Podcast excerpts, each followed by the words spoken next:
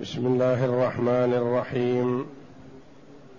الحمد لله رب العالمين.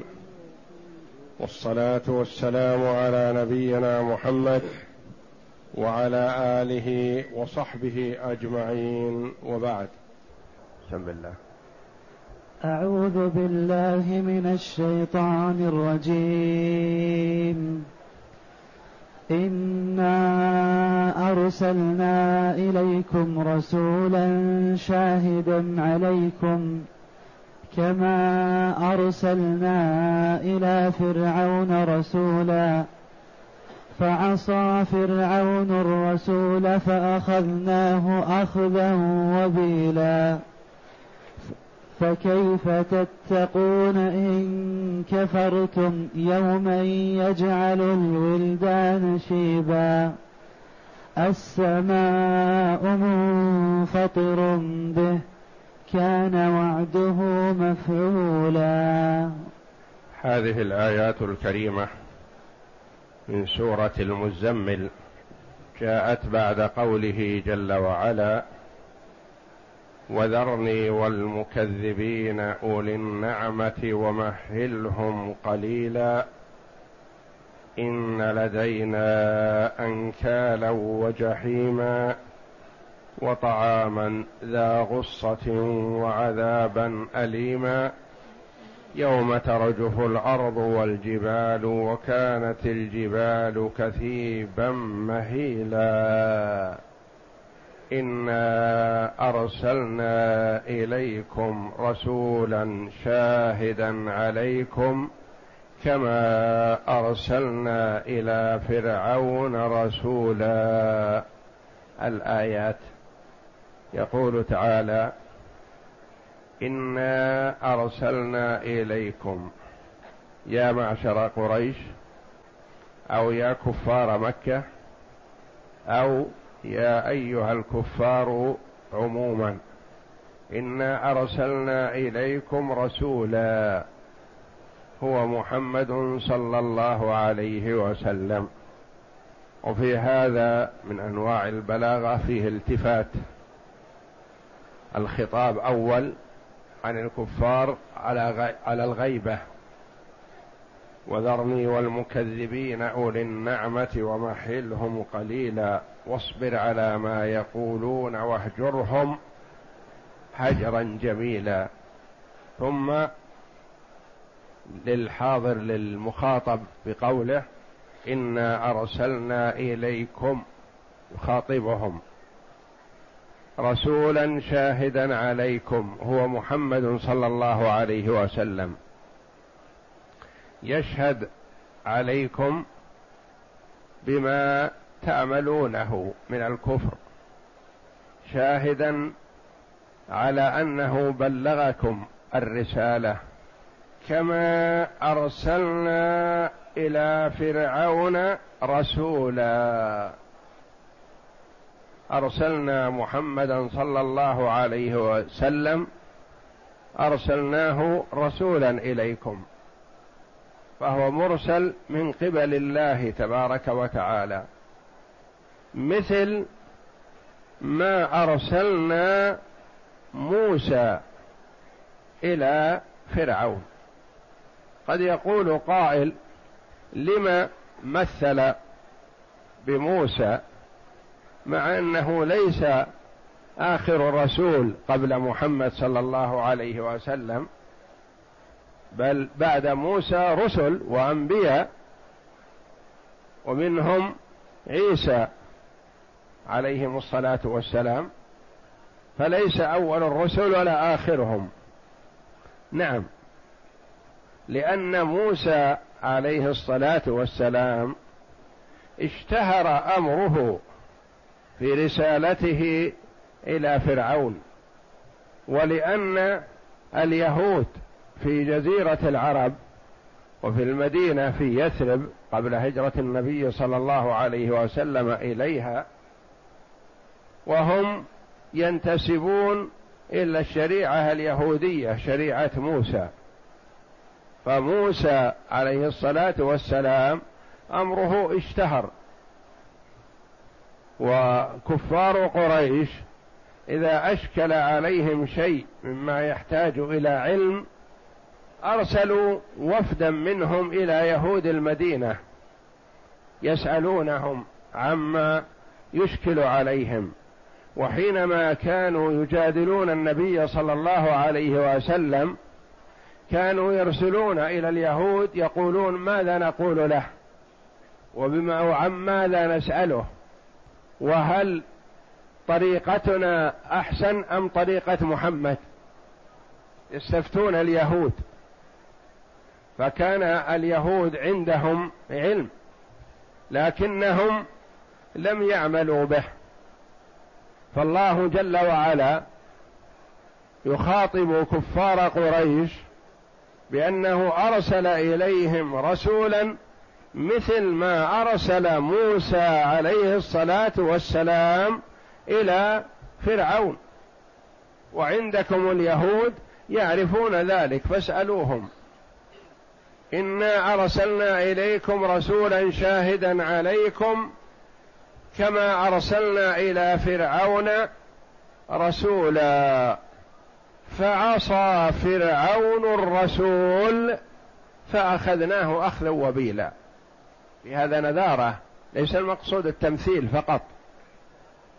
فعصى فرعون الرسول عصى فرعون موسى. فماذا كانت النتيجة؟ فأخذناه أخذا وبيلا شديدا ثقيلا. وفي هذا تحذير وتخويف لكفار قريش بأنكم إن لم تؤمنوا بمحمد صلى الله عليه وسلم فسيأتيكم ما أتى من قبلكم. ففرعون لما عصى موسى أخذه الله أخذ عزيز مقتدر. وأنتم يا كفار قريش الأمر بالنسبة لكم مثل أولئك. إذا عصيتم محمدا صلى الله عليه وسلم أتاكم ما أتى من عصى موسى. فعصى فرعون الرسول. فأخذناه أخذا وبيلا. الرسول موسى عليه الصلاة والسلام. والنكرة إذا أعيدت معرفة فهي نفس النكرة الأولى.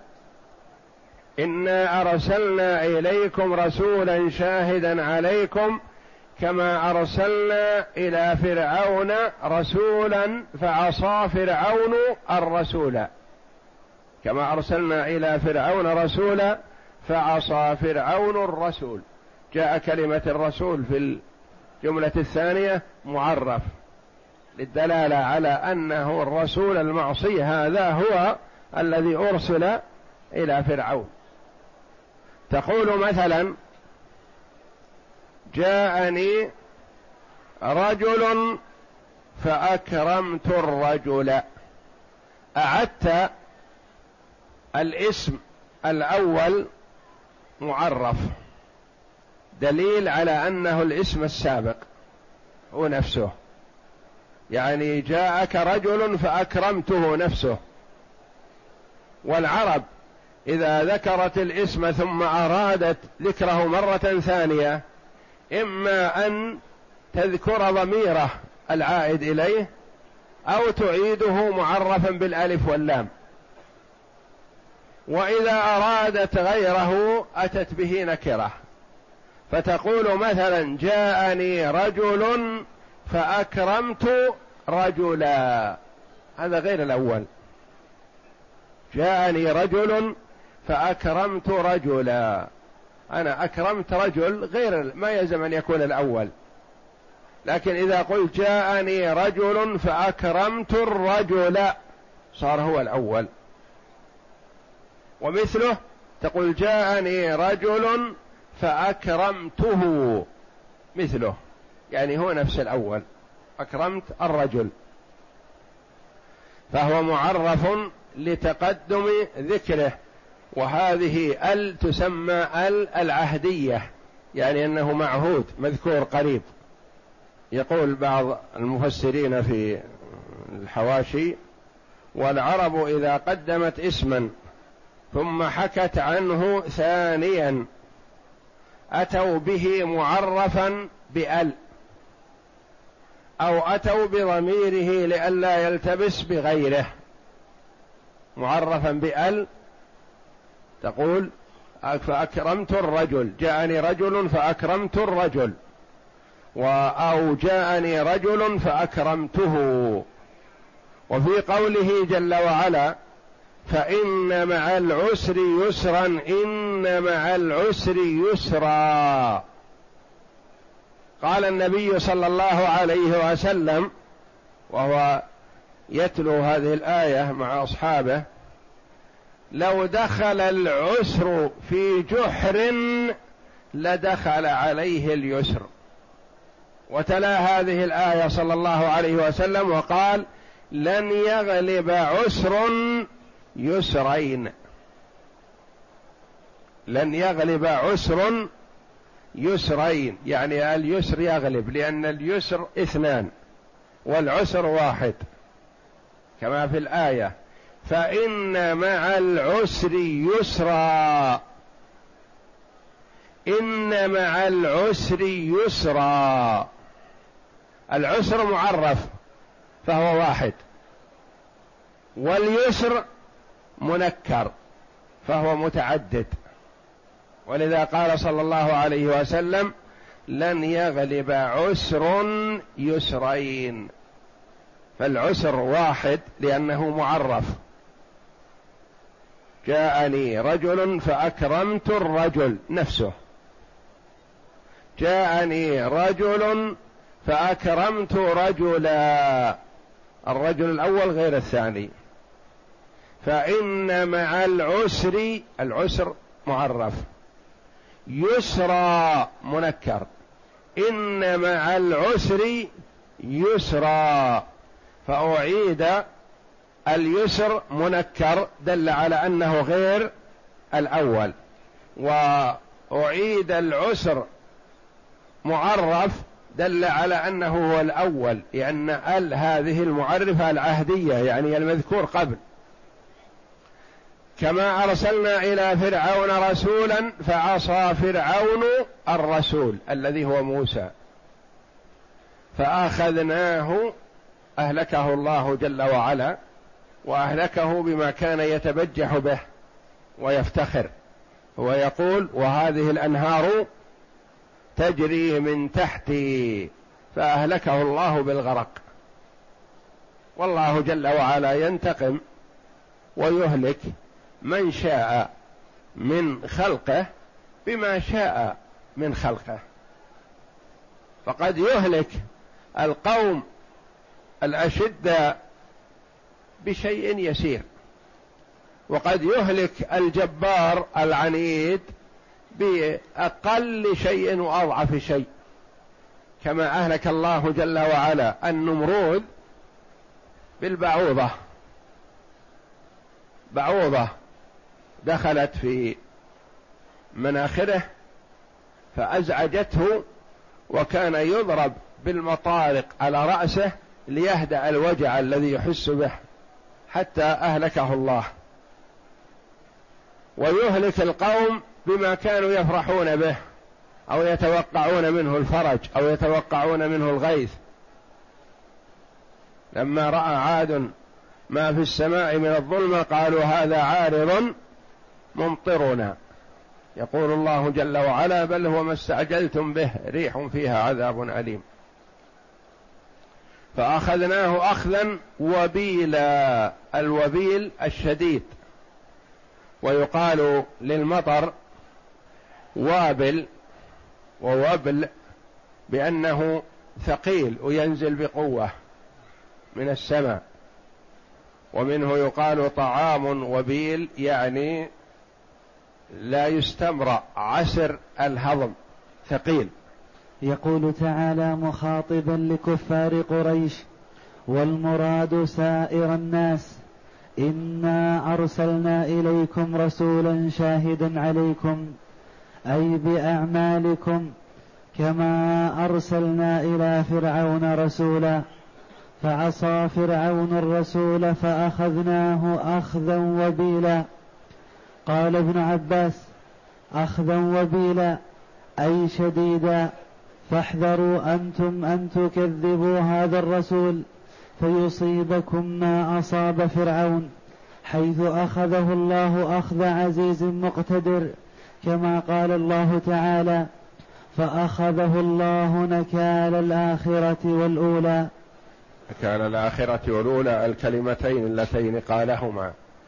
قوله ما علمت لكم من إله غيري وقوله أنا ربكم الأعلى. نعم. وأنتم وأنتم أولى بالهلاك والدمار.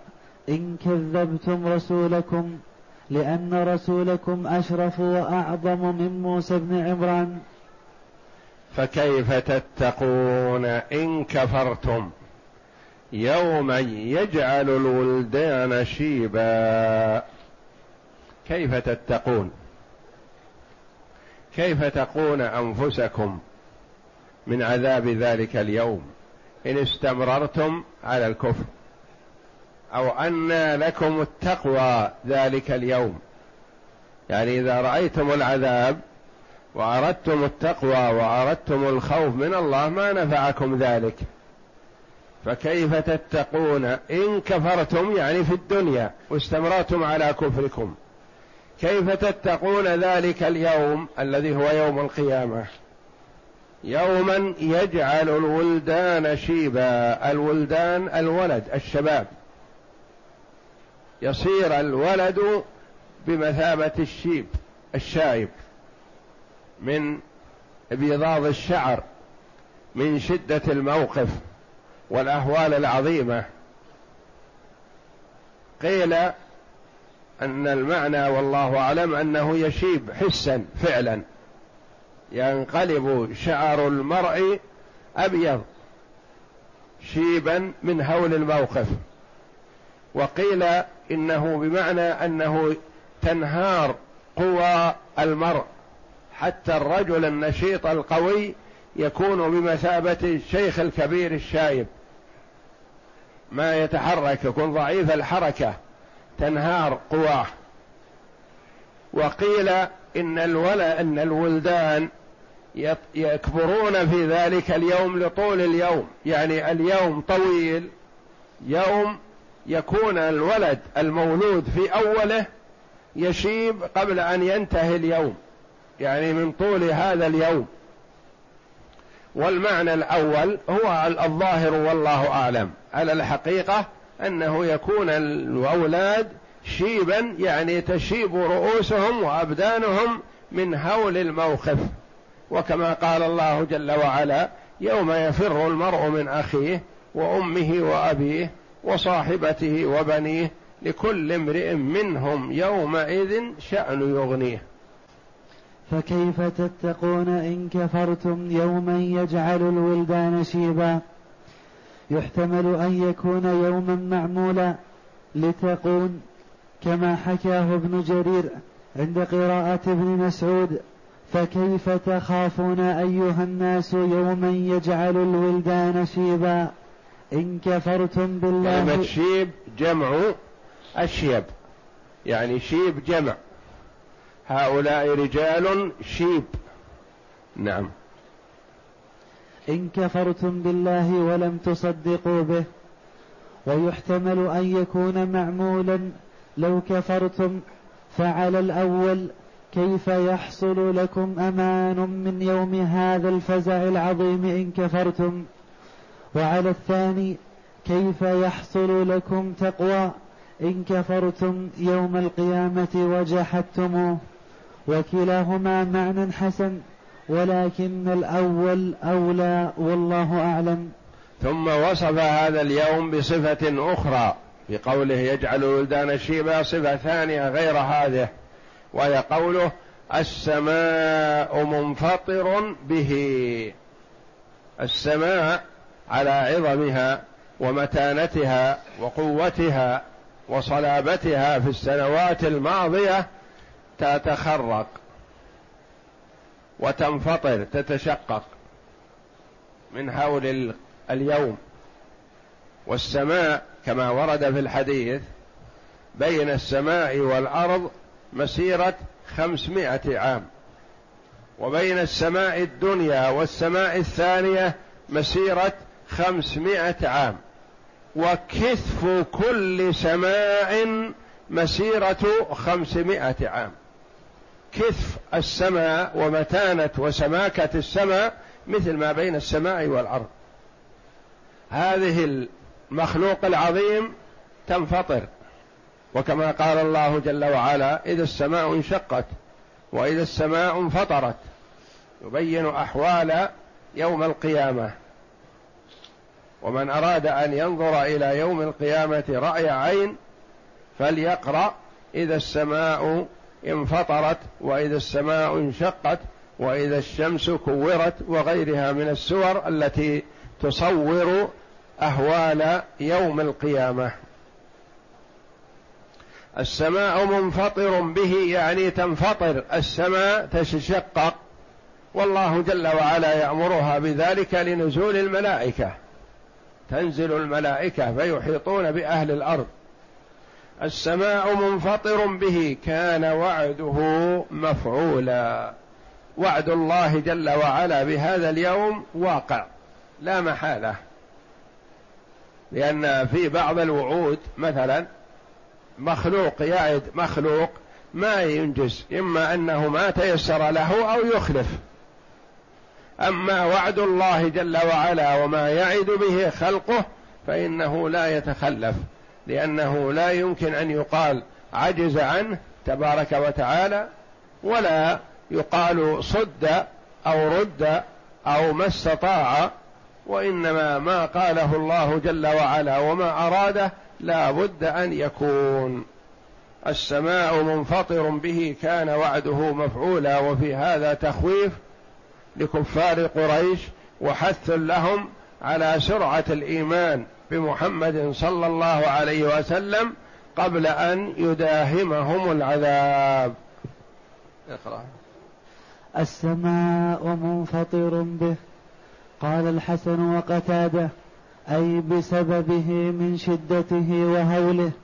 منفطر به يعني البا سببيه منفطر به بسببه بسبب هول هذا اليوم وعذابه. نعم. ومنهم من يعيد الضمير على الله تعالى. وعن ابن عباس رضي الله عنهما أن رسول الله صلى الله عليه وسلم قرأ قوله تعالى يوما يجعل الولدان شيبا قال ذلك يوم القيامة. وذلك يوم يقول الله لآدم قم فابعث من ذريتك بعثا إلى النار. يقول الله جل وعلا لآدم ذلك اليوم يا آدم قم فابعث من ذريتك بعثا إلى النار. قال من كم يا ربي؟ كم بعث النار من العدد الخلق؟ قال من كل ألف تسعمائة وتسعة وتسعين وينجو واحد. واحد من الألف إلى الجنة وتسعمائة وتسعة وتسعون إلى النار. يقول ابن عباس رضي الله عنهما فاشتد ذلك على المسلمين. يعني تأثروا لأن هذا اليوم هو الذي يجعل الولدان شيبا إذا سمع مثل هذا الكلام أنه من الألف واحد للجنة كل من من هذا الواحد؟ فاشتد ذلك على المسلمين فقال أي النبي صلى الله عليه وسلم حين أبصر ذلك في وجوههم إن بني آدم كثير. إن بني آدم كثير وكثرتهم إلى النار. وإن يأجوج ومأجوج من ولد آدم وإنه لا يموت رجل منهم حتى يرثه لصلبه ألف رجل. الواحد منهم اولاده لصلبه ألف. يكون له ألف ولد قبل أن يموت. ففيهم وفي أشباههم جنة لكم. يعني تستترون بهم من النار. فيهم وفي أشباههم من غير يأجوج ومأجوج لأن الكثير الفجار كما قال الله جل وعلا وإن تطع أكثر من في الأرض يضلوك عن سبيل الله ويقول تعالى وما أكثر الناس ولو حرصت بمؤمنين فالمسلمون قلة بالنسبة للكفار. والكفار هم أهل النار فهم جنة يعني ستر للمؤمنين من النار. كان وعده مفعولا أي كائن وعده هذا اليوم مفعولا واقعا لا محالة وكائنا لا محيد عنه. والله أعلم وصلى الله وسلم وبارك على عبده ورسول نبينا محمد. وعلى آله وصحبه أجمعين.